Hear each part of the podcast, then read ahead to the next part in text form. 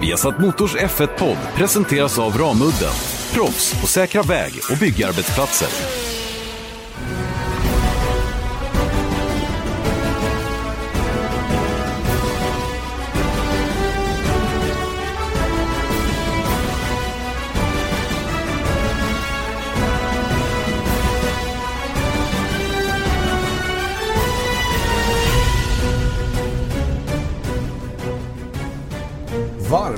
Välkommen till Viasat Motors Formel 1-podd. Jag kan faktiskt säga det idag eftersom jag sitter nere i eh, Upper Keys, Upper Florida Keys som det heter då och eh, laddar upp inför USAs Grand Prix. Veckans Formel 1-podd som självklart kommer att handla väldigt mycket om Mexikos Grand Prix.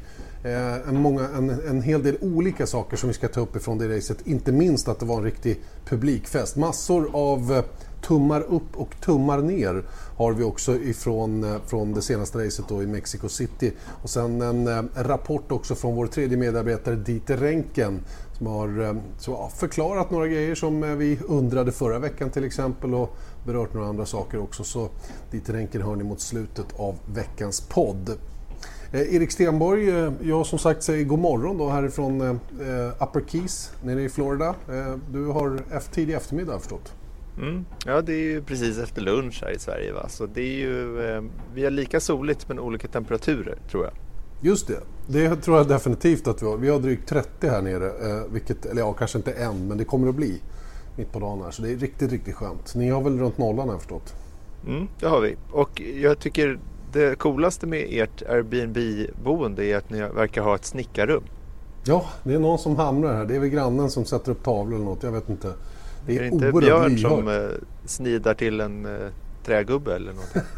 Ja, man skulle kunna tro det. Annars är det Mange som håller på och sätter upp kameran eller något. Jag vet inte. Mm.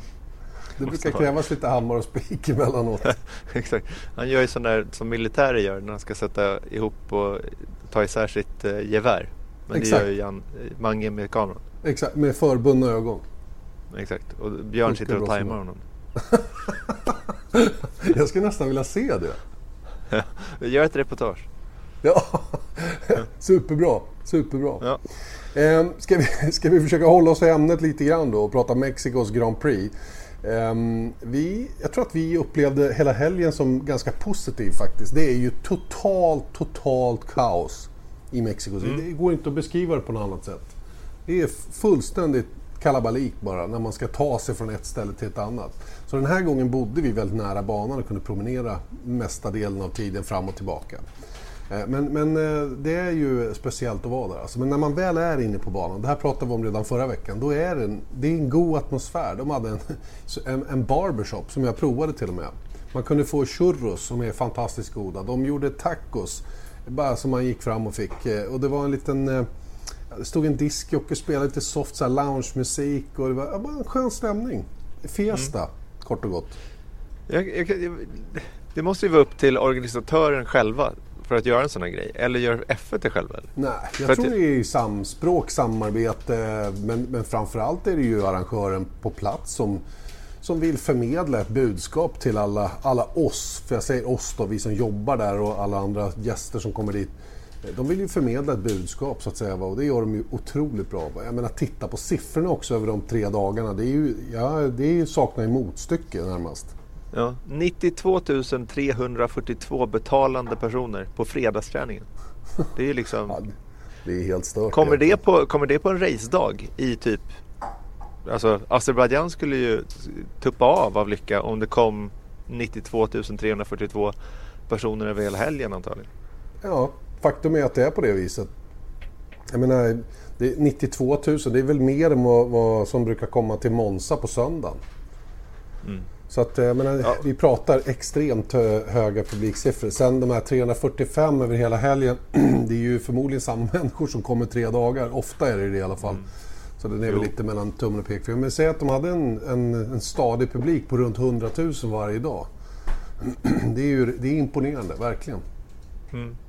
Och jag tänkte på det att i och med att anledningen till att teamen är med i Formel 1 är ju för att, marknads, liksom, att tjäna pengar. Det är ju en marknadsföringsplattform. Men inte teamen är med, men varför sponsorer är med. Och anledningen till att många eh, länder eller städer anordnar ett Grand Prix är ju också för att marknadsföra sig själva i världen.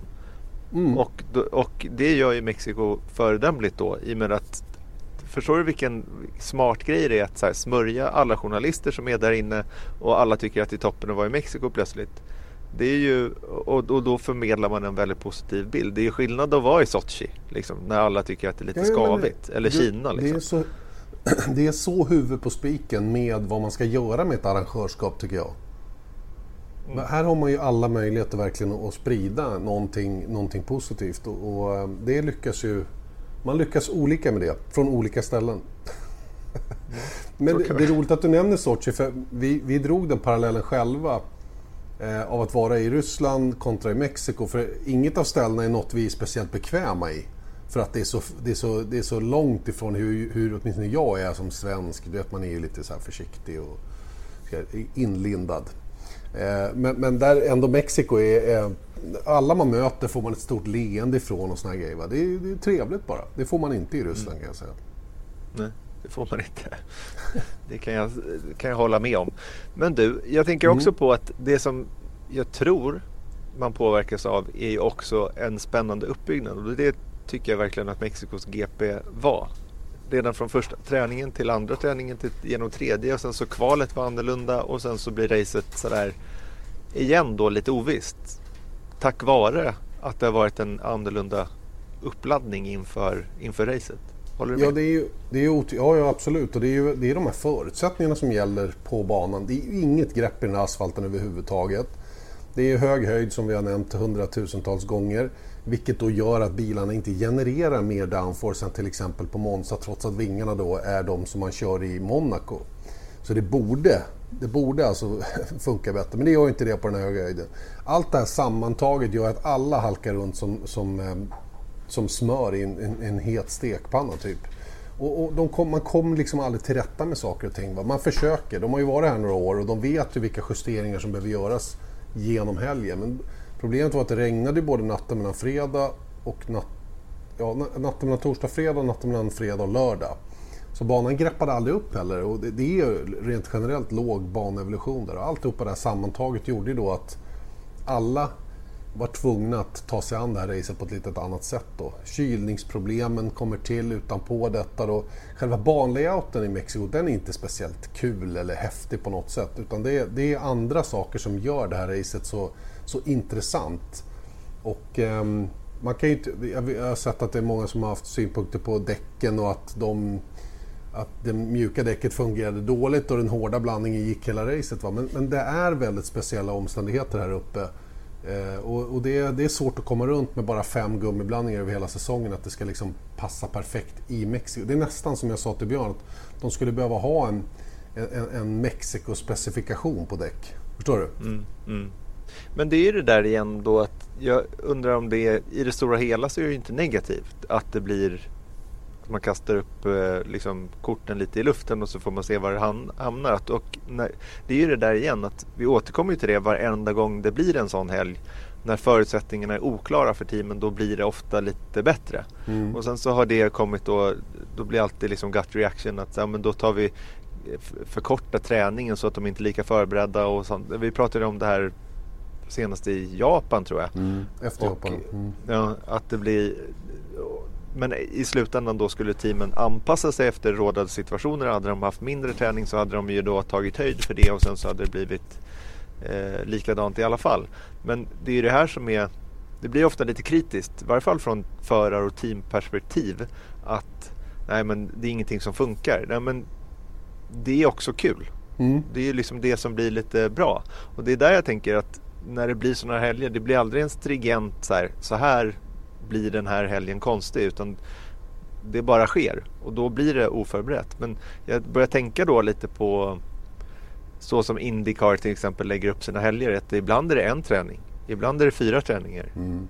Eh, och, och, det kanske man skulle kunna laborera lite med. Att en helg behöver inte se exakt likadan ut varenda varenda gång. Det var det vi pratade om det här med kvalrace. Att man behöver inte ha kvalrace varje lördag. Utan man kan ju ha det på banor där man vet att kvalen är svårare att genomföra på rätt sätt. På grund av TOW till exempel. Monza, Spa, Kina. Ja. Där kanske man kunde ha, liksom, det behöver inte vara så himla hugget i sten. Tänker jag. Nej, de borde kunna ha lite, lite större frihet. Och om jag förstått kommentarerna från Ross Bronner så är det väl så att man, man kommer nu att eh, försöka hitta en annan beslutsprocess för eventuella förändringar i Formel 1 där, där man tar bort den här, eh, vad ska jag kalla det för, den här eh, där teamen har för mycket att säga till om helt enkelt när, när någonting behöver göras. Det, någon som bestämmer måste ju få bestämma också. Men det är mm. lite, det är lite svårt det där eh, att hitta rätt me metod för det så att säga. Men jag, jag kan hålla med Erik att alla helger behöver inte se exakt likadana ut. Vi, vi, vi har ju pratat om det tidigare, till exempel Monaco som är någonting utöver det vanliga där, där, det är, där det är faktiskt fysiskt helt omöjligt att köra förbi. Där kanske man skulle ha ett annat format. Mm. Till exempel. Ja, men det, ja, som vi hade som en time attack där istället. Att det skulle ja, bli någonting sånt. En uppbyggnad över hela helgen. Du, ska vi prata själva racet då? Ehm, eh, som, som kördes i söndags då, som alltså återigen då vanns av Mercedes. Mm. Ehm, Lewis Hamilton från tredje rutan, stökig inledning. Max Verstappen nedflyttat till fjärde. De två kubbades där genom de första två, tre svängarna. Ehm, Max var väl den som gick förlorande ur det då och Ferrari kunde eh, försvara sin första och andra plats. Då. Leclerc först iväg med Sebastian Vettel då närmast bakom. Även om det var nära de också kroka ihop lite grann. Jag tror det var ute i kurva 4 när Vettel var på Leclercs bakdäck med, med framvingen där. Men sen när de kom iväg då trodde i alla fall jag att okej, okay, fine, nu har, nu har det här satt sig. Nu kommer de att reda ut där. Men det gick inte den här gången heller. Nej, det gjorde verkligen inte det. Det är ju som förgjort. Jag, jag ska försöka förklara varför jag tror att det blir så. Mm. Eh, för, det, för det är mycket snack om eh, det är mycket snack om det här med att de gör bort sig strategiskt, att de gör fel däckval och så vidare. Och det kan mycket väl vara på det viset. Men de har helt enkelt inte en tillräckligt snabb bil för att, eh, att utföra strategin till punkt och pricka. Och det är pratar det Ferrari som, nu? Ja, pratar Ferrari. Det är det som är problemet. Jag menar, Mercedes har ett bättre paket totalt sett. De kan, om de bestämmer sig för någonting och de kan se vilket, vilket som är det snabbaste sättet att genomföra ett race. Det kan de se i förväg. Och så bara talar de om att nu gör vi det här. Och så gör de det och så vinner de. Ferrari kan inte det. De kan inte backa upp siffrorna riktigt med den fart de har i bilen just nu. Och det är inte många tiondelar som skiljer. Men det är tillräckligt för att inte kunna till exempel försvara en första och andra plats som de hade här nu. Eh, de, de, var ju till och med så nojiga och det, det, är inte, det sitter ju inga dumskallar där ute vid depådisken hos Ferrari eller hemma i fabriken när de tittar på strategi. De, de är supermedvetna om allting. Och, och jag menar, när, när Alex Albon satte igång allting i söndags, ja då var de tvungna att göra någonting. Och den de valde då att starta med i depåsekvensen så att säga för en tvåstoppare blev ju Charles Leclerc då och det förlorade han på. Men det var inte med mycket som vi såg i slutändan och ett lite för långsamt depåstopp kanske hade gjort att han hade varit trea istället för fyra. Va? Mm. Eh, om de hade fått ordning på det och så vidare. Så det, är små, små, små marginaler. Va? Men, men de räcker liksom inte hela tiden till mot Mercedes som är generellt sett bättre bara, rakt igenom. Men det är det jag tänker också. Jag köper det du säger. Jag har ingen kommentar i frågan. Det jag vill bara liksom lägga till som ett till lager är just den där grejen att nu låg Leclerc etta och de väljer att täcka Albon. Mm. Det var ju onödigt. Ja, kan man ju tycka med, med, med facit i hand givetvis. Ja, men, men Mercedes har ju också facit. det där facitet. Nej, men det känns som att Mercedes har, och det kanske grundar sig i det du precis säger, att de har ett bättre paket så de kan genomföra det de vill. Exakt. Men det känns också som att de är mera och det, det kanske går hand i hand med det också, men att de är lite mera benägna och kunniga på att ta saker on the fly också. Nej, det tror jag faktiskt inte Erik. Jag tror att det är precis raka motsatsen. Jag tror att Mercedes inte jobbar on the fly. Jag tror att de är sjukt strukturerade när det gäller strategin. Jag tror att de har fem, sju olika scenarier klara. Som liksom är det som de tänker göra. De bara väljer vilken av planen de ska ha och sen så bara execute. Mm. Och det är det som är skillnaden. När Ferrari ska göra det så räcker det inte. För de har inte speeden att backa upp eh, sin, sina startpositioner. Race-speeden räcker inte till för att backa upp sina startpositioner. De har ju hittat nyckeln till att kvala bäst eller bra. Men, mm. men de, är, de är lite grann efter fortfarande när det gäller totalpaketet så att säga. Mm. Och, och, det, det, är så jag ser på det. Jag kanske inte alls har rätt, va? men så ser jag på det efter att ha följt den här säsongen och sett hur de jobbar. Är, och jag vet ju också som sagt att det, det, är inga knäppskallar som sitter och sköter strategin där. Utan de vet nog 17 vad de gör och de gör det bästa de kan med de förutsättningar som finns tillgängliga. Och det är väl lite så också att allting går i en kedja så att säga. Du kan inte göra en sak i Formel 1 och så, så blir det isolerat ett visst typ, ett positivt eller negativt beslut utan det blir det är säkert deras bil som gör att de tar beslut så att det blir ännu konstigare än vad det hade nödvändigtvis behövt vara. Oh. Eh, men, men, men det jag tänker ändå på är att allt det som var spännande tycker jag var att på förhand så sa alla liksom att en enstoppare skulle vara vägen att gå. Mm. Men det var inte det. Nej. Och det tycker ja, jag det, det var det ju. Det var ju, det var ju en enstoppare som vann. Men, men det var fler alternativ än vad jag trodde. Och innan racet precis, då var det ju alla säkra på att en tvåstoppare skulle gälla. Efter mm. att ha sett fredagen, fredagen och lördagen. Liksom. Det var det jag menade. Att ah, det var okay. två stoppare man mm. skulle ta. Det var ju det som i alla analyser inför. Det var ju två stoppare som var den absolut snabbaste. Mm. Men då är det där med track position och sånt där. Det är inte så himla lätt att komma om förare heller. Även om du, om du sitter i Charlie Clash Ferrari så trillar du ner till femte då måste du ändå ta dig förbi folk. Så att, ja, dels det, det och sen Dels det va, men sen var det ju också det faktum att hårda däcken höll ju more or less hela ja. racet. Det, det, var väl kanske den mest avgörande grejen för att en enstoppare faktiskt funkade. På ett sätt som mm. ingen hade trott. Nu hade ju alla så få hårda däck med sig, det var ett eller två set. Och den enda som jag vet körde någon form av längre run utav toppteamen var ju Valtteri Bottas på fredagen. Så mm. Merca hade ju hyfsat koll på det och så dessutom hade de blivit uppmuntrade av vad de ser Daniel Ricciardo göra och, i början av det här racet. Vilket gjorde att de chansade och tog in Hamilton lite tidigare än alla andra. De gick alltså för banposition då som du pratar om. Och sen, sen höll de tummarna helt enkelt att Hamilton skulle göra jobbet efter det och det gjorde han ju. Mm, gjorde han. Och apropå tummar så ska vi ta de här tumme upp och tumme ner. För jag har fått så mycket skäll, eller så lite passive aggressive eh, känsla från dig när jag har sagt överraskningar och besvikelser de senaste halvåret. Så nu, nu kände jag så här, jag orkar inte mer där, den där liksom psykologiska stressen hela tiden när jag ska du säga föll, Du föll till föga din rackare. Ja, så att jag bara, nu, nu ändrar det här en gång för alla och sen så får vi se hur det går istället om Janne blir arg på mig igen. Då. Nej, Men apropå tumme då. Ja. Mm, då har vi tumme upp. Hamilton. Han är alltså den Just enda det. föraren som har kört alla 1080 racevarv 2019 och enda föraren som tagit poäng i alla race 2019. Han har nu tagit 10 segrar och behöver alltså bara sluta 8 i USA för att säkra sin sjätte eh, VM-titel. Med andra ord är den ganska så klar, VM-titeln alltså. Eh, superimponerande facit givetvis. Eh, av de här 1080 racevarven då som han har gjort så har han väl 80% i ledning också. Jag har ingen, ingen som stödjer det så att säga. Men han har ju varit helt fantastisk. Han har tagit 10 segrar och, och eh, han, han, har ju möjlighet att, att faktiskt slå något nytt rekord tror jag i antal vinster över en säsong. Mm. Eh, om, han, om han nu lyckas vinna några mer race den här säsongen och det finns det väl stor chans till då baserat på vad vi har sett under året och, och nu senast också. Men, men han är ju, och sen han... kommer vi till USA där han inte är speciellt dålig heller. Han har, han har, hans snittposition är faktiskt på ett i, i, i de, sen 2012 då när man började köra i Texas. Han har alltså vunnit fem, fem race och sen så kommit två, de kommit trea och fyra tror jag. Eller någonting. Men ändå då om man räknar upp det så blir snittpositionen 1, någonting. Det är så bra. han är i, i snitt etta i USA. Så där, det, det är bra, det snitt. ett bra ja, snitt får man ändå säga. Eh, men, men, Hamilton är ju, hur bra han än är, så är han ju också lite lustig tycker jag. När man, mm. när man eh, följer racen. Hur nojig han är. Han borde ju ha så mycket självförtroende i kroppen att han inte ens tvekade. Eh, den här helgen var han kanske lite extra nojig eftersom Peter Bonington, hans ordinarie racingingenjör, var hemma och skulle göra ett medicinskt ingrepp.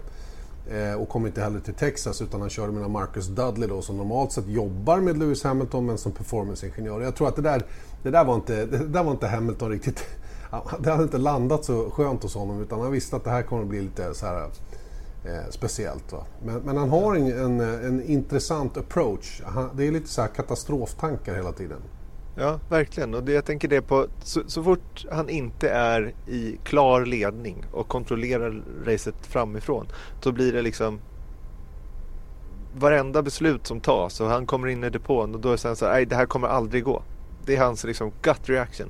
Jag tycker man hör det varenda gång han inte ligger etta i stort sett. Ja, är han från Örebro? Ja, exakt. Hur, hur är man när man är från Örebro? Det går aldrig. Nej, exakt. Det kommer aldrig gå. Precis. Eh, Nej, men det var så jag, du beskrev det, att om det regnar ute då tror han att han ska drunkna. Ja, ja men det är lite, lite så. så. Mm. Ja. Och det, det, det, är så spännande tycker jag och det är nästan så att det bli, har blivit en så här telltale att Hamilton kommer vinna är att han är helt säker på att han inte kommer vinna. Mm. Vad jobbigt att ha de där känslorna i kroppen när man ska ja. prestera. Att, ah, ni tog in mig alldeles för tidigt. Alldeles för tidigt. Det här kommer aldrig gå. Bakdäcken är trasiga. Det här kommer inte gå. Alltså det är liksom mm. den, det är den feelingen. Mm. Ja, det är faktiskt, vi ska faktiskt köra ett reportage med Lewis Hamilton i eh, eh den här helgen i USA. Eftersom han kommer mm. ta VM så passar det väldigt bra att vi kör det. Och det, den, det, den intervjun gjordes för några helger sedan men vi har sparat på den tills att han skulle ta VM-titeln och då svarar han precis på, apropå den här frågan. Och eh, man kan väl säga så här att man är bara mänsklig även om man är Lewis Hamilton men det, är ändå, det måste vara så här idrottspsykologiskt konstigt att tänka så. Eller så är det precis en sån grej som han behöver. Att känna att för att uppenbarligen så är det väldigt viktigt för honom fortfarande. För att jag kan mm. tänka mig att när man har tagit över 80 segrar att man skulle vara lite så här, ja ja, inte en, då vinner jag inte den här gången. Och dessutom, man har tagit över 80 segrar men man ska ju bara liksom köra hem VM-titeln. Det spelar ju nästan ingen roll vad man gör längre. Men ändå så är det så viktigt. Så att ja, det är också är lite det, lustigt med Hamilton. Är det, inte det som är hans, är det inte det som ingår i en mästares DNA? Jo. Eh, att man har det där drivet, liksom att, att alltid liksom vilja vinna och det ska ex exekveras på absolut bästa sätt och hela den biten. Jag tror att det är det liksom ingår i konceptet. Sen är inte alla personer eller människor, alla människor har inte samma beteende. Men, men Hamiltons beteende är i alla fall på det här viset och det verkar ju uppenbarligen funka för honom. Och mm. jag, får, utav mig får han i alla fall den fetaste tummen man kan få efter racet i söndags. För det var, det var masterclass, det måste jag säga. Mm. Det var riktigt, riktigt, riktigt bra gjort. Mm. Ja, jag håller med. Då går vi vidare och ger en, en neråt-tumme istället. Ja, vi levererar den faktiskt till Max Verstappen. Mm. Den här Som super... ändå blev driver of the day. Ja, och det är ju för att han har en, en otroligt stark fanbase. Eh, eh, inte minst på hemmaplan, men jag tror överlag. Men, men, grejen med Max Verstappen är att han är så supertalang. Alltså, han är så sjukt duktig att köra racerbil. Men han har så vansinnigt dåligt omdöme emellanåt. Och det där kan jag bli så irriterad på. Att han, det finns sån kapacitet som hålls tillbaka av att han inte tänker rätt. Eh, han är fortfarande väldigt, väldigt ung så det kommer att filas på det där genom åren. Han kommer till slut att komma fram till, på samma sätt som vi tyckte att han hade mognat efter det som hände förra året halvvägs in i säsongen. Och de där små stegen åt rätt håll, de, de tar han ju hela tiden fram. Men just nu har han gått ett steg tillbaka, tycker jag. Mm. Eh, rent attitydsmässigt till racing. Va? Det är lite så här, och jag läste nu att både Hamilton och Vettel, de, de anser att de måste vara extra försiktiga i kamper med just Sebastian, eller med Max Verstappen. Eh, vilket kanske är Max Verstappens mm. mål också med sitt sätt att köra mot dem. Va? För att han tycker att, menar på att de har mer att förlora än vad jag har, typ. Men, men, men eh, jag, jag, tror också att det finns en hel del sanning i det. Att när Max Verstappen kommer runt en, då måste man tänka till en gång till. Ja. Och, och, just nu förlorar Max Verstappen på sitt sätt att, att vara. Och jag, jag kommer tillbaka till den här minen jag såg på För jag såg ju presskonferensen live efter kvalet. När en, och jag blev oerhört förvånad att man inte i tv-sändning frågade honom om det, eh, Paul de Resta nere på griderna. Hur tänkte du? Det var gul flagg. Du åkte flat out och slog till med banrekord. Det är ju omöjligt för alla. Mm. Och så sitter Max Verstappen och så är han lätt arrogant. Mm. Eh, åtminstone kom det ut som att han var det. Jag tror faktiskt inte han var det. Jag tror han var oerhört besvärad däremot. För han visste ju att han var ute på en sjukt tunn iskaka här och riskerade att ramla ner i vattnet. Eh, när han då fick frågan att, eh, liksom, ja, eh, såg du att han Var du medveten om att Bottas hade kraschat? Ja, jag var medveten. Ja, men lyfter du av? Eh, nej, såg inte ut så va? Eller hur? Typ så. Mm. Och han gjorde ju inte det heller. Och, och då tänker jag så här, han, liksom det, han hade bara på några små eh, förändrat sin attityd bara lite, lite grann så hade han kommit ur det där på ett helt annat sätt. Nu, nu blev han ju bara arrogant och dum. Eh, det är som ett barn som han har kommit på som inte liksom vill erkänna att han har gjort fel, va? ett misstag. Men, för, men, för, det var ett misstag. Det, ja, men det är det här det jag menar, det är omdömeslöst i form av att det, det här är en sån känsla som gör att Alonso som var väldigt så beräknande, kanske också Sebastian Vettel, skulle inte slå till med snabbaste varv eller banrekord när han vet att någon har kraschat. För han vet ju att han har pole position säkrad i alla fall. Ja. Så att han kan ju man... se Bottas gå, gå in i väggen och känna så här, yes jag tog pole. Ja. Jag släpper av. Jag vet inte hur medveten han var om vad som hade hänt framför honom på varvet. För han, det enda han vet är att han har ett bra varv som då eh, var den snabbaste innan.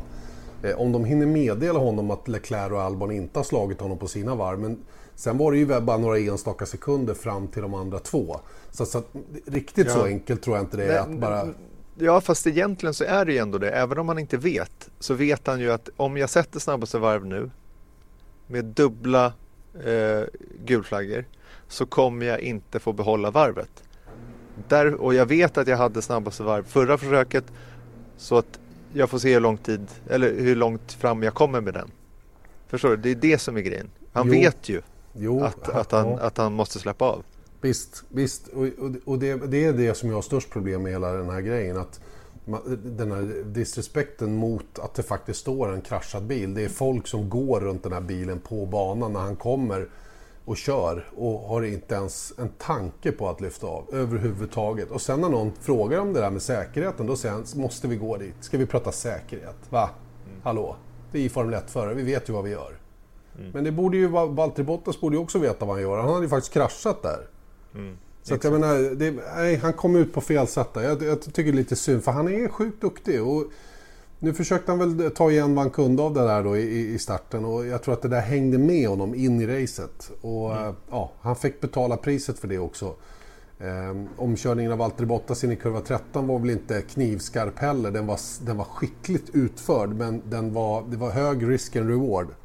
Mm. Hög risk, låg reward skulle jag vilja säga. Eh, eftersom det blev punkterat. Han får en tumme ner, Max Verstappen, för helgen i Mexiko. Nya tag i USA och jag är helt övertygad om att han kommer att vara glimrande igen. Mm. Lite med att Max vibbar i Mexiko kändes som man kunde nosa på segern och då blev lite förblindad av saker som man kunde göra, som du sa också. Som man kunde göra allt som oftast i fram till mitten av, av fjolårssäsongen. Ja, en tumme ner till Max Verstappen leder in oss på en ytterligare tumme ner och den får faktiskt gå till Ferrari då.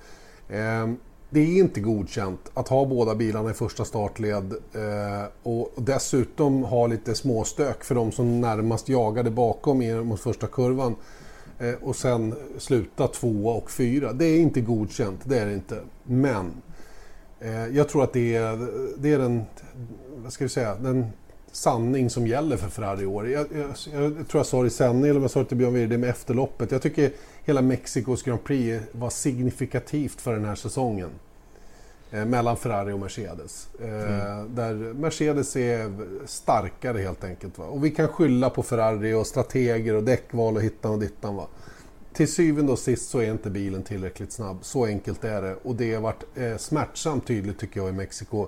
När man har så goda förutsättningar eh, så Förut har jag varit vid några, fler, eller vid några tillfällen tidigare så har jag varit inne på att de har tappat bollen, slarvat bort och så här. Men jag börjar inse det att de, de, de kämpar nog hej vilt för att lösa de här grejerna. Va? Men, men, men grejerna räcker helt enkelt inte till.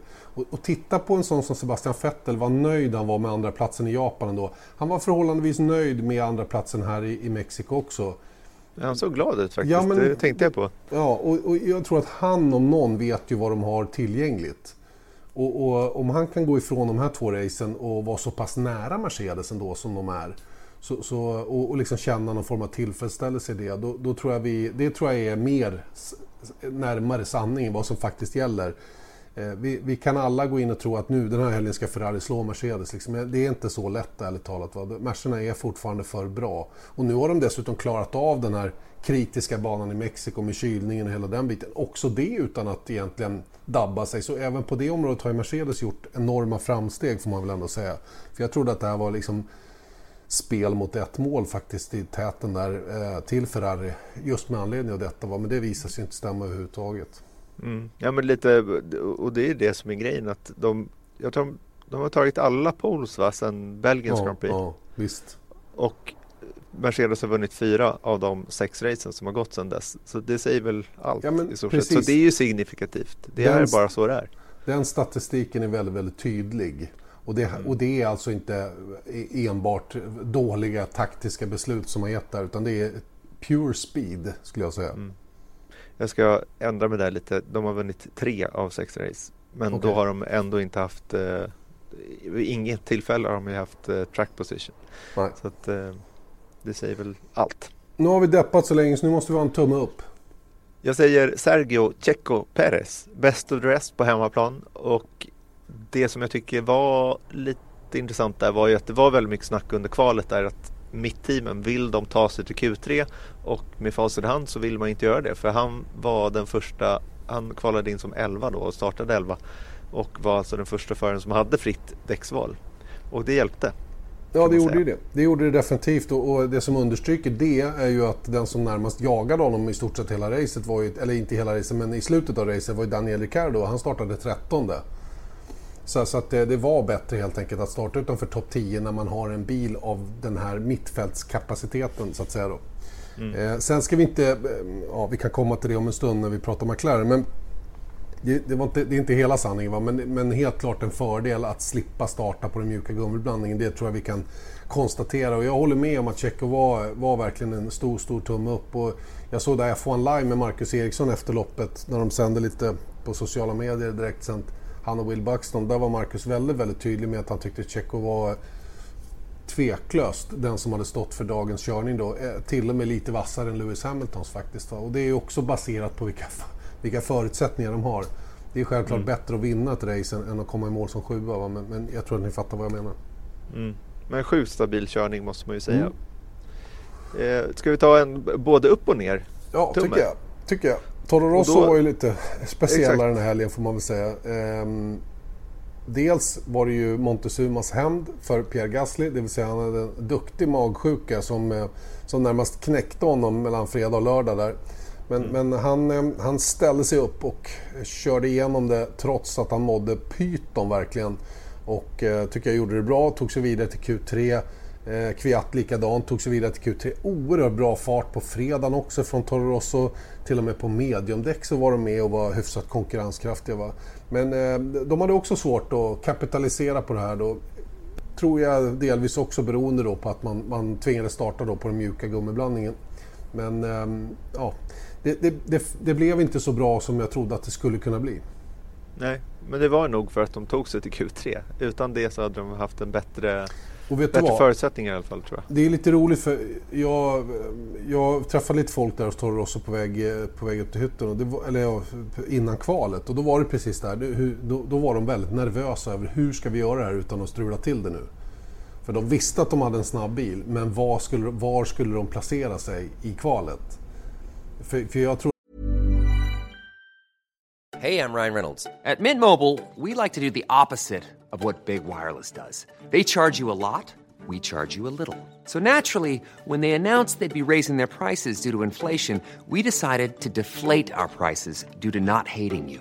That's right. We're cutting the price of Mint Unlimited from $30 a month to just $15 a month. Give it a try at mintmobile.com slash switch. $45 upfront for three months plus taxes and fees. Promo rate for new customers for limited time. Unlimited more than 40 gigabytes per month. Slows. Full terms at mintmobile.com. att de också var tveksamma till om det var så smart att gå vidare till Q3 för de visste att det kommer att krävas mjuka däck för att gå till Q3. Nu, nu provades det lite på medium va? men det höll ju inte och det gjorde det inte heller för McLaren. Så det, men, men liksom... Ja, det, var, det, var, det var ett svårt val där. Och där kommer vi åter tillbaka till, ska man gå för track position eller ska man gå för bästa strategiska ut, utgångsläget så att säga. Och, och det, är, det är inte lätt när man inte vet riktigt hur bilen kommer att prestera. Och man, man, det, det, är, det är svårt. Alltså det, är mycket, mycket svårare än vad vi tror, vi som sitter på utsidan, att lägga upp en optimal taktik baserat på alla parametrar. Ja, Som- Speciellt om man måste göra det beslutet på lördagen. 24 timmar innan racet börjar. Kanske Och redan jag- jag- fredag kväll. Exakt, och då är det sådär att man... det är svårt att ställa in skorna också för man vill inte om man liksom inte ger sitt allt i kvalet. Man kan ju lika gärna hamna 15 och då är man ju på ett sämre läge än kanske vad 10 är. Ja. För att det är ändå startposition är väldigt viktig i Formel 1 så du kan ju inte liksom bara så här, ja men det spelar ingen roll vad vi kvalar för att racet är så långt och det kommer hända massa galenskaper i alla fall så vi kan lika gärna vara 17 18 men det vill man ju inte. Och det är ju Nej. superjämnt så du måste ju ge allt vad du kan i stort sett i kvalet och sen får man se var det hamnar. Exakt, exakt. Men med de här reglerna vi har då där Q2-däcken för de som går till Q3 är de som man måste starta på så, så blir det lite speciellt emellanåt. Eh, och man tittar ju faktiskt på att ta bort den här regeln eh, när man nu inför det nya reglementet från, eh, från 2021. Och det, ett, den infördes ju av en anledning. Mm. Och den anledningen finns ju fortfarande kvar. Det vill säga att man ville ju att alla skulle liksom köra på riktigt och inte åka och spara eller någonting sånt. Utan, men, men eh, fortfarande är det ju så att eh, det, det blir inte lättare för mittenteamen att konkurrera om de dessutom får en nackdel av det här, precis som de får. Mm. Då blir ju gapet till toppteamen ännu större och det tror jag är lite kontraproduktivt om jag ska vara riktigt ärlig. Så att, ja. vi, vi, får väl se lite vad som händer med just den här biten. Mm. Jag vill också bara kommentera där Daniel Kviat, det han gjorde på eh, Hilken, Hylkenberg där på sista varvet. Och det, det var ju eh, dömt att misslyckas. Men det som slog mig lite var när man läser kommentarer om Kviat, vilken jäkla idiot han är efter Torpedo. racet. Ja exakt, att det är så ja typiskt, typiskt, typiskt. Då slog det mig ändå att det var ändå ganska roligt om man sitter och tittar på Formel 1 i, eh, hemma i tv-soffan att folk, det händer lite konstiga saker ibland. För tänk om alla var återhållsamma och inte gjorde några dumdristiga beslut. Till mm. exempel till och med Verstappen också i, i, i kval eller eh, om ingen riktigt försöker köra om. Sen var ju det ett, ett, ett, dumt beslut att försöka köra om där på sista varvet. Men det kryddar ju anrättningen att det händer lite oväntade saker. Det är, bra, det är bra att folk tappar omdömet ibland menar du? Mm. Ja men det är ju det. Ja, lite. jag håller med. För att ibland kan ju chanserna gå hem också. Och då blir de ju jättehyllade. Exakt. Så att, eh, ja, nej, visst, det var ju, alltså Kviat, han gastar om det här i efterhand, det är ju bara idiot. Jag menar, det är som Michael Masi säger, det kan ju inte vara klarare, bestraffningen. Nej. Det är ju, jag menar, och, och Kviat säger att ja, men med de här domsluten så, så förstör de racing. Tycker han att det där var en racingincident? Mm. När han liksom mm. bunkar på bakhjulet på, på, och precis när bilen är som allra lättast tillbaka också för Hülkenberg. Han vänder ju runt som ingenting. Ja. Eh, och själv kan han då köra vidare utan att egentligen skada bilen. Så att, äh, det där var en riktig, det var en fuling av Kviat tycker jag. Men det var en chansning som jag kan hålla med om är eh, underhållande att se i alla fall. Även om det inte mm. blev så bra för honom i slutändan. Eh, vi måste komma med en tumme ner till för att eh, det var ett team som, eh, som blev väldigt upphaussat faktiskt efter fredagen och lördagen och självklart McLaren då kvalade in 7-8. Vad hände? Ingenting. Nej, och det var, fel, det, var, det, var, det, var, dåligt på alla fronter. Det var dåligt inne i depån när de skulle göra depåstopp för, för Lando Norris. Det var dåligt på banan också. Eh, och ehm, jag vet att Carlos Sainz hyllade sin egen första stint väldigt väl då, den på mjuka däck så att säga. Men för hans del så var det ju den hårda gummiblandningen som inte funkade. Han hade ju ingen pace överhuvudtaget. Tappade bakdäcken snabbt och, och du vet, tar du inga bakdäck när du ska ur de här långsamma svängarna då är det ju ett lätt byte. Nu fightades han väldigt, väldigt mycket om position länge, länge. Men, men det var ju förgäves liksom. Så att, nej, McLaren, det där var sjukt oväntat att de skulle få så otroligt stora problem i själva racet som de fick. Mm. Eh, och då främst för, för Carlos Sainz då, för det var ju bara han som körde. Lando Norris hamnade ju så långt efter. Så honom tog de in i depån och sparade grejerna för istället, vilket var ett klokt beslut givetvis. Även om det är aldrig roligt för en förare att tvingas avbryta utan anledning så att säga. Nej, nej. det var ingen toppenhelg. Men du? ja, det var till jag... två tredjedelar väldigt bra. Ja, det var det men inte när det gällde. Nej, och de exakt. blev alltså poänglösa för bara femte gången i år. Mm. Annars har de tagit poäng i, i resterande race. Då. Men jag vill inte sluta i moll utan vi måste sluta i dur med en, med en tumme upp. Underbart. Och den vill jag ge till Robert Kubica. Ja, det var väl kul tycker jag att vi kan ge honom en tumme upp. Ja, eh, har, det har inte varit har, många sådana. Nej, det har verkligen inte det. Och jag, det har gått upp för mig lite grann i helgen. Jag, jag har nåtts av information som, som gör att jag förstår att hans säsong i Williams. Jag har fått lite påstötningar av någon på, polskt påbrå via mina sociala medier där, där eh, han tycker att vi har varit lite, eh, ja, inte kanske rapporterat runt Kubicas insatser på ett korrekt sätt då. För att polacken har ju jobbat väldigt mycket, eller liksom känt att han har blivit förfördel... eller inte haft någon fördel direkt i, inom teamet där. Eh, och jag har förstått att det, det kanske är så också till stor del, att han har haft det lite extra jobbigt där nere i Williams-teamet. Och när det nu har skurit sig helt så tycker jag att den här omkörningen jag gjorde på George Russell blev ju eh, extra underhållande. Det var en riktig luring han gjorde på George Russell som jag tror sved i skinnet på den unge britten. För han, han, han, eh, han vill inte ta stryk av Kubica. Det, det, det vill han verkligen inte göra. Nu gjorde han inte det i slutändan för att Robert åkte på en punktering och tvingades in i depån igen. Men den där eh, den var riktigt bra. Riktigt bra. Och det är precis det som jag tycker att de ska få den här tummen för. För att om han nu inte haft det så lätt som du säger. Vi kan väl prata lite mer klarspråk att det finns ju anledningar att tro då och det är väl någonting som rapporterats. Jag menar, än en gång, det här är indicier. Vi kan inte säga, det finns inga bevis för det. Men eh, vi vet att det här förekommer ibland tyvärr i, i eh, Formel 1 att det finns lite motarbetningar. Och jag menar, man vet ju också en sak som, som Claire Williams säger. Säg Exakt. vad hon sa. Ja, det, tycker alltså, jag är, det tycker jag är liksom för jävligt nog. Ja. Mm. Och då tycker jag att med tanke på att han gjorde det, då ska han ge igen. Och nu så gav han åtminstone en, en liten bitch slap tillbaka. Exakt. Om jag får uttrycka mig så. Det Claire Williams sa alltså, det var ju att beslutet att ta av den nya framvingen från Robert Kubicas bil innan kvalet i Japan visade sig vara ett korrekt beslut med anledning av att han kraschade. Mm. Och att säga något sånt i efterhand om en kille av Robert Kubicas kapacitet, det tycker jag är bara, det är lumpet. Så får man inte göra. De, de kan tycka det och det, det är liksom hela den biten, va? men du får inte uttrycka det på det sättet. Det, det tycker jag är kass. Eh, och, eh, det är väl rätt uppenbart att de inte ger Robert Kubica rätt förutsättningar längre. Nu när det dessutom är klart att han inte ska fortsätta och så vidare. Va? Och George Russells position i det där teamet är ju väldigt, väldigt starkt och ihop med, med Mercedes. Mm. Och så kan man ju inte säga att, att uh, Kubica själv är på topp heller. Men det är lite samma sak som vi har pratat om med Toro Rosso till exempel eller i Red Bull-familjen. Att det finns sätt att försöka lyfta sina förare och det är kanske den hjälpen som det finns anledning att tro att Robert Kubica kanske inte har fått alla dagar i veckan. Nej men det är ju det som är så sjukt. Jag menar, vill inte teamet teamets bästa? Jag, jag fattar, det är för mycket politik och dumheter mm. i Formel 1. Samtidigt är det lite tjusningen också, att det är den här jävla hajtanken som alla måste vara i och man simmar runt där och försöker hålla sig undan när de vassa tänderna kommer. Liksom. Är, på, på, något sätt är det ju så. Och, och du, du, knuffas hela tiden för att komma först. Det är lite som Mange och jag när vi tävlar fram till passkontrollen. Man ja. går alltid och sneglar på Mange lite så här för att bara ha koll på honom. Och sen så gör man attacken precis vid rätt tillfälle. Ofta så vinner jag. Okej, ja, det, är fan, det här är precis likadant som i Formel 1. Alltså. Exakt likadant. Du, du, känner ju den här pressen. Ja, ja, ja, hela liksom, tiden. Åtminstone en gång i veckan. Och du vet, och efteråt så står vi och ler mot varandra. Så det var ju kul där. Egentligen biter man ihop tänderna och bara vill slå en stekpanna i huvudet. Exakt. Och vilken, mm. vilken press ni lever under. Alltså. Ja, jag fattar inte hur vi klarar det. Nej, jag gör inte heller det. Jag inte det.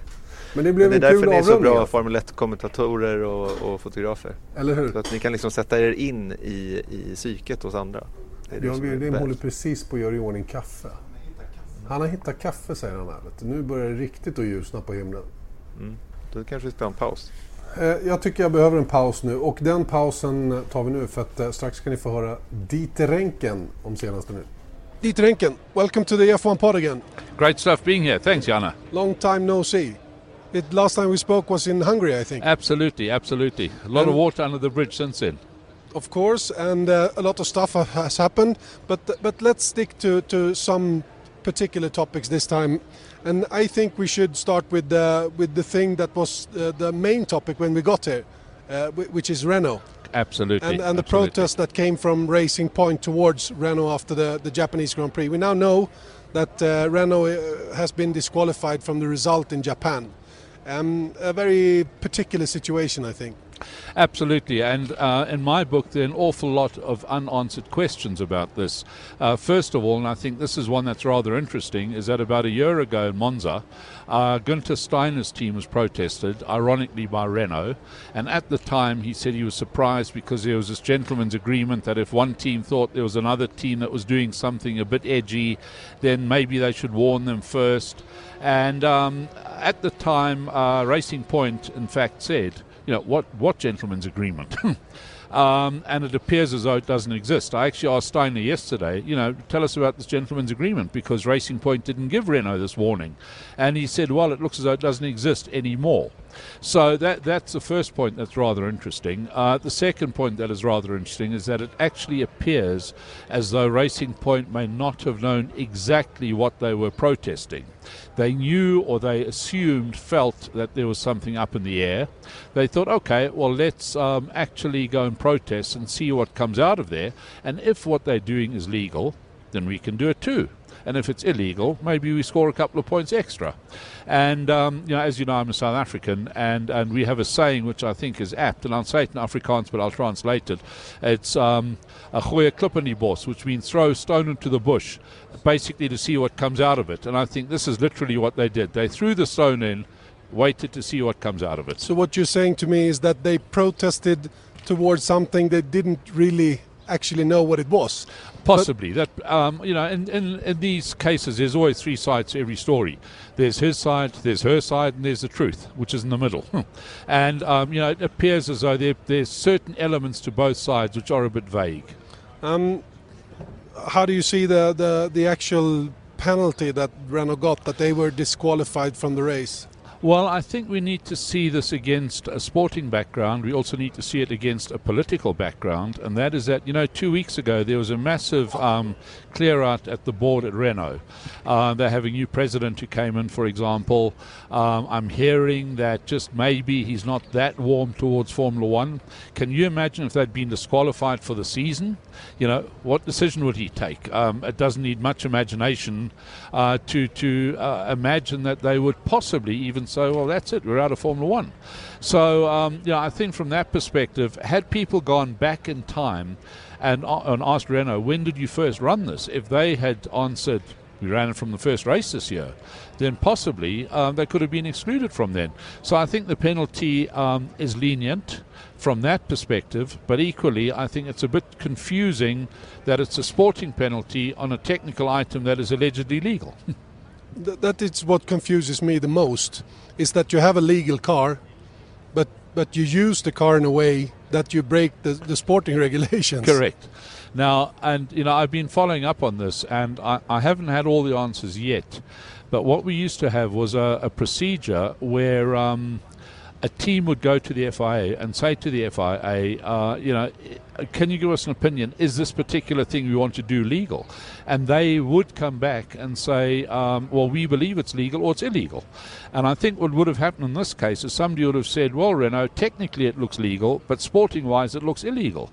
So um, I, I, I, get the feeling that Renault didn't actually even go and ask the FIA about this, and that's another confusing aspect. And and also when you see how the how the, the stewards have reasoned around it, it was sort of a, a fairly easy decision for them as well. That they actually used the driver aid. Correct.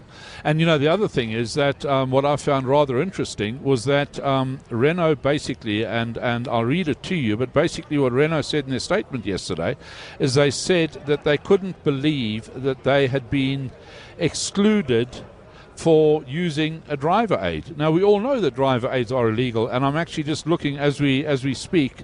I'm looking for the the exact quote, and they say here that. Um, therefore, the sanction related to an aid that reduces the driver workload without enhancing the performance of the car. Now, a driver aid is illegal. It's that simple. Yeah. uh, whether it enhances the performance of the car or not, because fundamentally, a driver aid, by definition, will enhance the performance of the driver. Yeah, it makes make it make it easier for the driver so to, to. Renault, in their in their own statement, have admitted that it was a driver aid. Yeah, it's it's it's really strange this thing, and, and, and the other thing which is confusing is how they did it.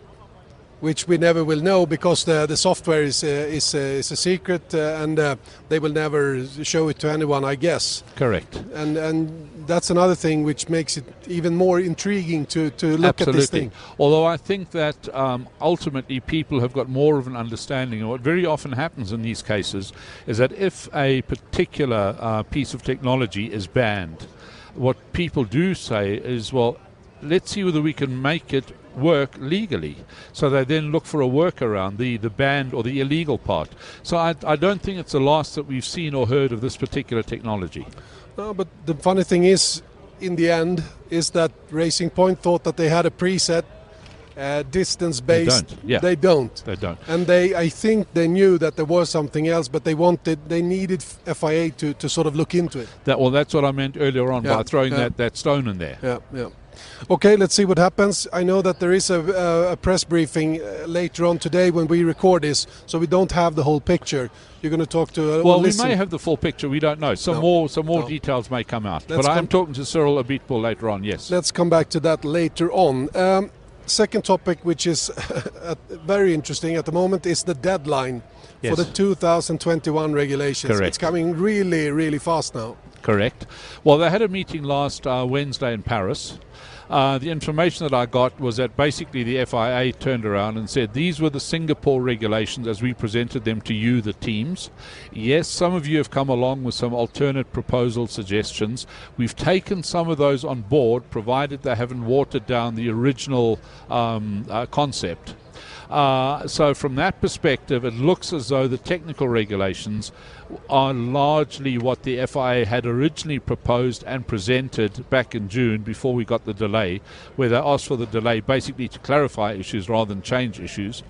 Um, of course, the financial regulations were already agreed to because in in agreeing to the delay, the team said, fine, we'll delay from 30 June to 31 October. However, then we cannot change the terms and conditions of the financial regs. So those were done long ago.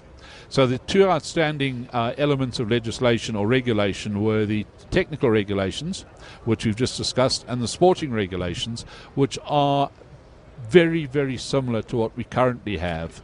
Uh, but let's not forget that the sporting regulations can be changed year on year with relatively minor cost implications. Uh, it's the technical regulations that have the big money implications, and that's why they had to be sorted out by the thir- well originally the 30th of June, 18 months before implementation date, namely 1 January 21.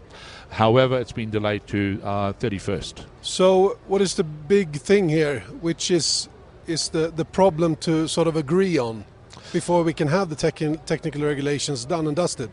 Well, there is no agreement per se because the current governance process, which does pr- provide for agreement amongst the teams through the strategy group, the Formula One Commission, etc., that actually ends with the current regulations on the 31st of December 2020.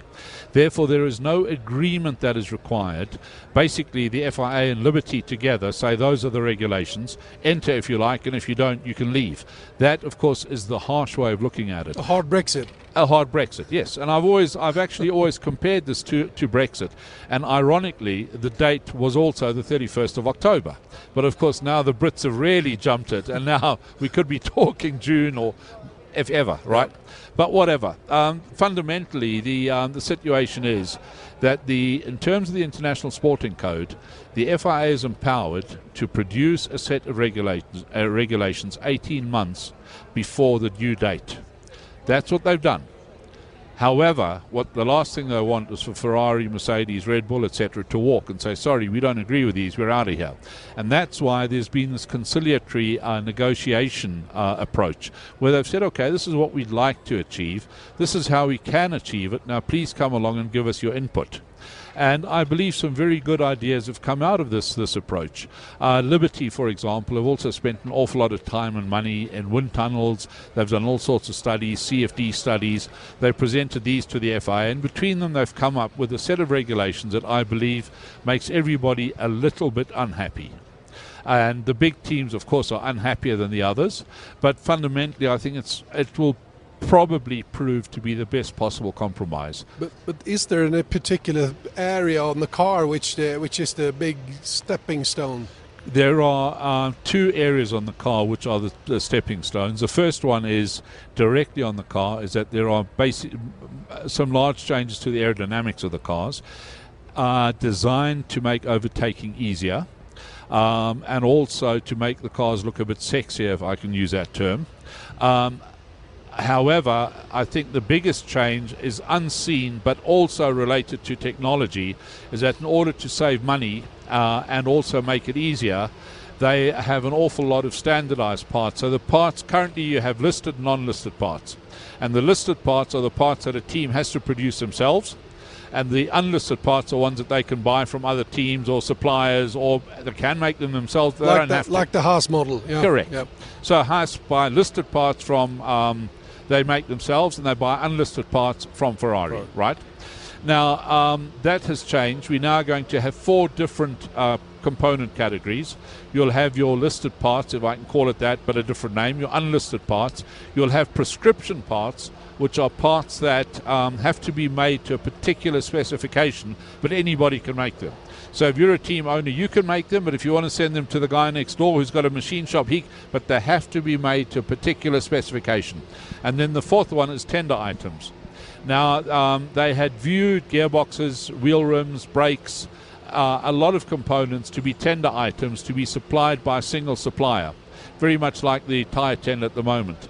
However, they seem to have run into some issues with this. Um, they had awarded a gearbox tender, or were close to awarding a gearbox tender. When they decided against it, the teams basically proved that uh, they were able to do this themselves. Um, equally, the brake tender was withdrawn during the Russian Grand Prix weekend. Uh, for reasons that we're not quite clear on, but fundamentally it means that brakes will again be free. I believe that the rim tender could also change, but these are fine tuning things. I think as we move forward, they will ultimately be able to introduce more and more tender items. But so you can see that the 31st of October, we, we definitely have a, a technical regulation that will work from 21 and onwards. I can actually tell you the time as well if you're interested. Okay. They'll be um, announced at 10 a.m. on Thursday morning in Texas. Okay, excellent. Then we know that much. That that's going to be interesting. Uh, the final topic uh, from you today is, of course, the the proposed, the again proposed race in Miami. Of course, yes. Um, at uh, the Hard Rock Stadium and, and the area around it, which is the the home of Miami Dolphins in in the uh, American football. So uh, in a parking lot, basically. Correct which we've had in the past. We actually had a, a, race in the Las Vegas parking lot many, many years ago in the 80s. Um, so that's not unusual, but this does also take up some some other roads and whatever in the area.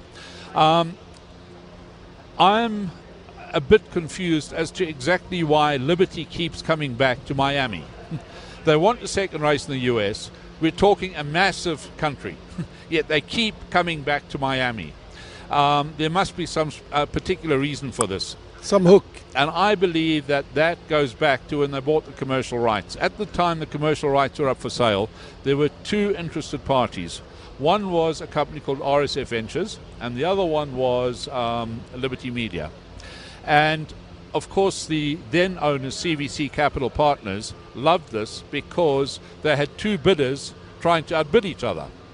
And I believe that what happened was that eventually Liberty went across to RSF Ventures and said, You're not going to get these rights. We're going to get them. So you're wasting our money by bidding against us. Why don't we just reach some kind of agreement? And my information is that this is what happened. And that RSF Ventures is owned by a gentleman called Stephen Ross. And Stephen Ross is a gentleman who owns the Miami Dolphins. And I believe that the deal that was struck was they said, if you back off, we will give you a race in Miami, which is also why it was the first race without a hosting fee, if you remember, on a sort of a profit share basis. And I believe that's the background, and that's why they keep on coming back because they need to honor this commitment to RSF Ventures, i.e., Stephen Ross, i.e., the Miami Dolphins. So Stephen Ross is going to be the promoter of this race now? Well, his company. Yeah. Okay, so so the obstacle now is the political decision process political and social and environmental. And Yeah. you know let's not forget these are these are major factors. You know you can't just decide well we're going to have a race. Um, yeah if you want a race anywhere if you want to build a new circuit you get need all sorts of environmental approvals and all sorts of things. And a street race is just that much more difficult. And that's why they keep on running into these obstacles. And um, you know we had it in australia where in australia um, when we went to Mel- uh, melbourne uh, albert park um, that Save Albert Park lobby is still continuing every race. I know that it's sort of become quieter and quieter as time has gone on, but equally, um, you know, the uh, I believe that there's, there's now protest actions in Holland with the Dutch Grand Prix. So, you know, I think this is going to be something that Formula One needs to face up to. And uh, my information is that they are actually making great strides on the sustainability side and the carbon footprint side. And I think within the next two to three weeks, you'll actually be hearing a lot more about a program that they intend introducing. So my question is then, is Lewis Hamilton sort of uh, hired to help out? No, I don't think he is because, you know, let's be quite honest. Lewis has actually been, he's also in the process drawn attention to the carbon footprint thing. That's what I mean. So, yeah, um, but he's certainly not helping. no, well, uh, you know, he's drawn attention to the fact that Formula One has got a very, very heavy carbon footprint. yeah. But I think, you know, Lewis has got the courage of his convictions. Uh, he must express his opinions. He's got a, a global platform on which to do that. Um, there is a lot of skepticism, as you probably know. I mean, uh, you know, Kimmy yesterday was basically saying, Yeah, if you're going to worry about it, go, stay at home. Well, Max Kimmy would say that, wouldn't he? yeah, Max as well, yeah. of course. But um, I think the environmental factors need to be borne in mind for the future, absolutely. And I think this could be one of the biggest stumbling blocks that Miami faces. So in your opinion, will it be a race in Miami 2021? I don't believe it will be uh, more than 50-50.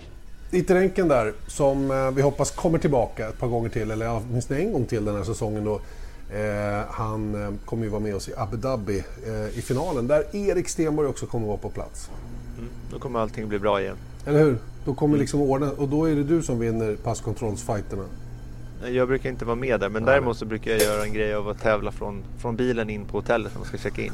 Just det. För då brukar man få, då brukar man få jag vill ha rummet högst upp. Just Och då det. kan jag be om det rummet som är liksom i vår grupp som är högst Det, upp. det är ett nytt hotell i år, det vet du va? Jag vet. Så att, eh, jag funderar nästan på att mejla dem och säga Jag, jag tror ge det. mig rummet. Du, du, behöver nog, du, behöver, du behöver nog göra något sånt för att, det ska liksom, för att du ska känna dig trygg med hela den där biten. Eh, men men det är intressant med ditt ränken tycker jag. Och det, det som är spännande med det han pratade om här nu det är ju kanske framförallt racet i Miami. Eh, vi, vi funderade ju på varför Miami hela tiden återkommer på, på, på kartan så att säga. Va? Men nu vart det väl ganska uppenbart varför. Mm. If you scratch my back I'll scratch yours. Mm. Typ så kan man väl säga. Det är lite coolt ändå. Att, eh, att Liberty liksom bara säger till det här andra bolaget då, vad det nu är, jag kommer inte ihåg vad det hette. Att eh, det spelar ingen roll att ni bjuder, ni kommer ändå inte få det för vi kommer att bjuda mer. Istället för att slösa bort våra pengar så, så gör vi den här dealen Ja. istället. Ja, det är smart om, om det lyckas. Sen så har de ju väldigt, jag har läst eh, mer och mer lite nu, för ni ska ju åka dit imorgon och göra en Ska trackwalk. Så jag håller på med upplägget till, till det nu och det är ju det är ganska stora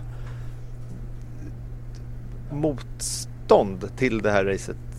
Bland boende och jag vet inte riktigt fortfarande varför men det, är- det är liksom det är inte enkom positivt. Om man bara sk- skrapar lite på ytan utifrån det som Formel 1 kommunicerar ut Mm. runt Miamis Grand Prix så är det eh, det känns som att det är Formel 1 och promotorn som är positiva, resten är negativa. Så jag skulle inte alls säga att det är speciellt nära längre utefter det, det jag har läst.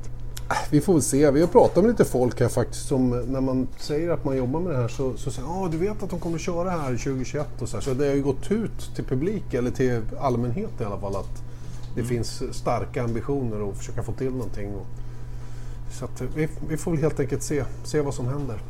Japp. Eh, Ett amerikanskt Grand Prix finns ju. Vi ska ju till Austin kommande vecka och det är ju som vanligt också en av höjdpunkterna att besöka under året. Och, och det är fler och fler svenskar faktiskt som flyger över och tittar på USAs Grand Prix, vilket jag tycker är kul. Det är värt resan över. Eh, Det, det är ett eh, coolt ställe och dessutom är banan superutmanande på sitt lite annorlunda sätt då, jämfört med Mexiko.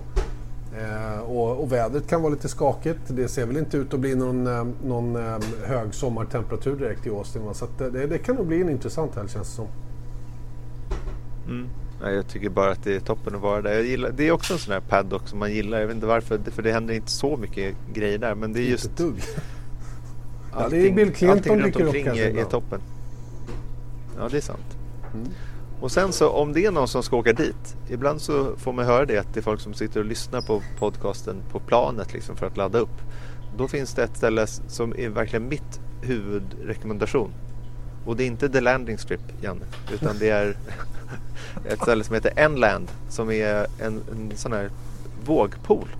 Jaha, ja, ja, ja, den ja. Där man kan surfa. Den har jag ju sett dig eh, åka i. Ja, det är väldigt roligt. Så då eh, åker man dit, hyr en surfbräda och så lägger man sig i vattnet så kommer sån här, eh, en plog under vattnet typ och så som skickar upp en våg och så surfar man på den. Just det är jätteroligt. Ja. Så vi pratar inte så mycket Formel 1 där på den här banan men det är ju, det är, det är ju vi pratar så mycket Formel 1 Ändå. ändå. den här. Ja, herregud. Märks att det börjar bli slut på säsongen. Jag tror det faktiskt. Nej men det, det är, eh, det, det känns ju så här att Hamilton kommer säkra upp VM och det, på något sätt så tycker jag det känns lite skönt för då kan man släppa den grejen utan då är det bara enskilda lopp som man vill ska bli bra. Mm. Och det tror jag USAs Grand Prix har alla möjligheter att bli. Det tror faktiskt jag också.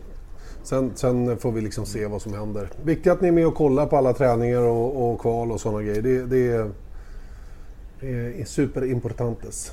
Det är ju Mm. Kan prime du, locka upp, kan du locka upp Marcus Eriksson igen till någon träning 1 eller 2? Det, det är ambitionen i vilket fall. Och eh, han gav mig faktiskt ett muntligt ja. Jag tror till och med han sa ja i sändningen senast. Då så. Så att eh, jag utgår från att han kommer att eh, an, ansluta eh, åtminstone ett av träningspassen då. Han, han, han, han svek oss faktiskt till, till lördagen där, där han kröp in hos BBC 5 Live istället. BBC Radios kommentatorspar. Usch då. Fan. ja, det känns inte riktigt bra. Opatriotiskt. Ja, lite, lite. Men han ska få igen. Ja, det är bbra det. Men du, jag ska i alla fall avsluta med att säga att så här vinner eh, Hamilton VM. Och det är alltså att om han kommer åtta eller bättre, då eh, tar han hem det. Oavsett vad Bottas gör. Eh, kommer han nia och tar snabbaste varv, då vinner han också. Och grejen är då att om Bottas är tvåa eller sämre, då vinner Hamilton ändå. Ja. Så att det, det är ju över om man säger. Det kan man verkligen konstatera. Och det här är ju som sagt en bana också där Lewis Hamilton har statistik placeringsmässigt statistiskt så bra som man kan vara. Mm. Nämligen ett. Precis. ja. Jättebra, nu trampar vi vatten så in i vassen. Så då är det lika bra att vi... Vad eh, roligt sagt! Vi trampar vatten in i vassen. alltså, det blir bara bättre och bättre. Vi måste sluta nu. Erik, ha en jättefin dag. Och alla ni andra också såklart. Och ehm, ja, vi hörs med podd igen om en vecka. Och när det gäller Formel 1 till helgen från Austin. Ha det bra. Hej! Hej! Viasat Motors F1-podd presenteras av Ramudden. Proffs på säkra väg och byggarbetsplatser.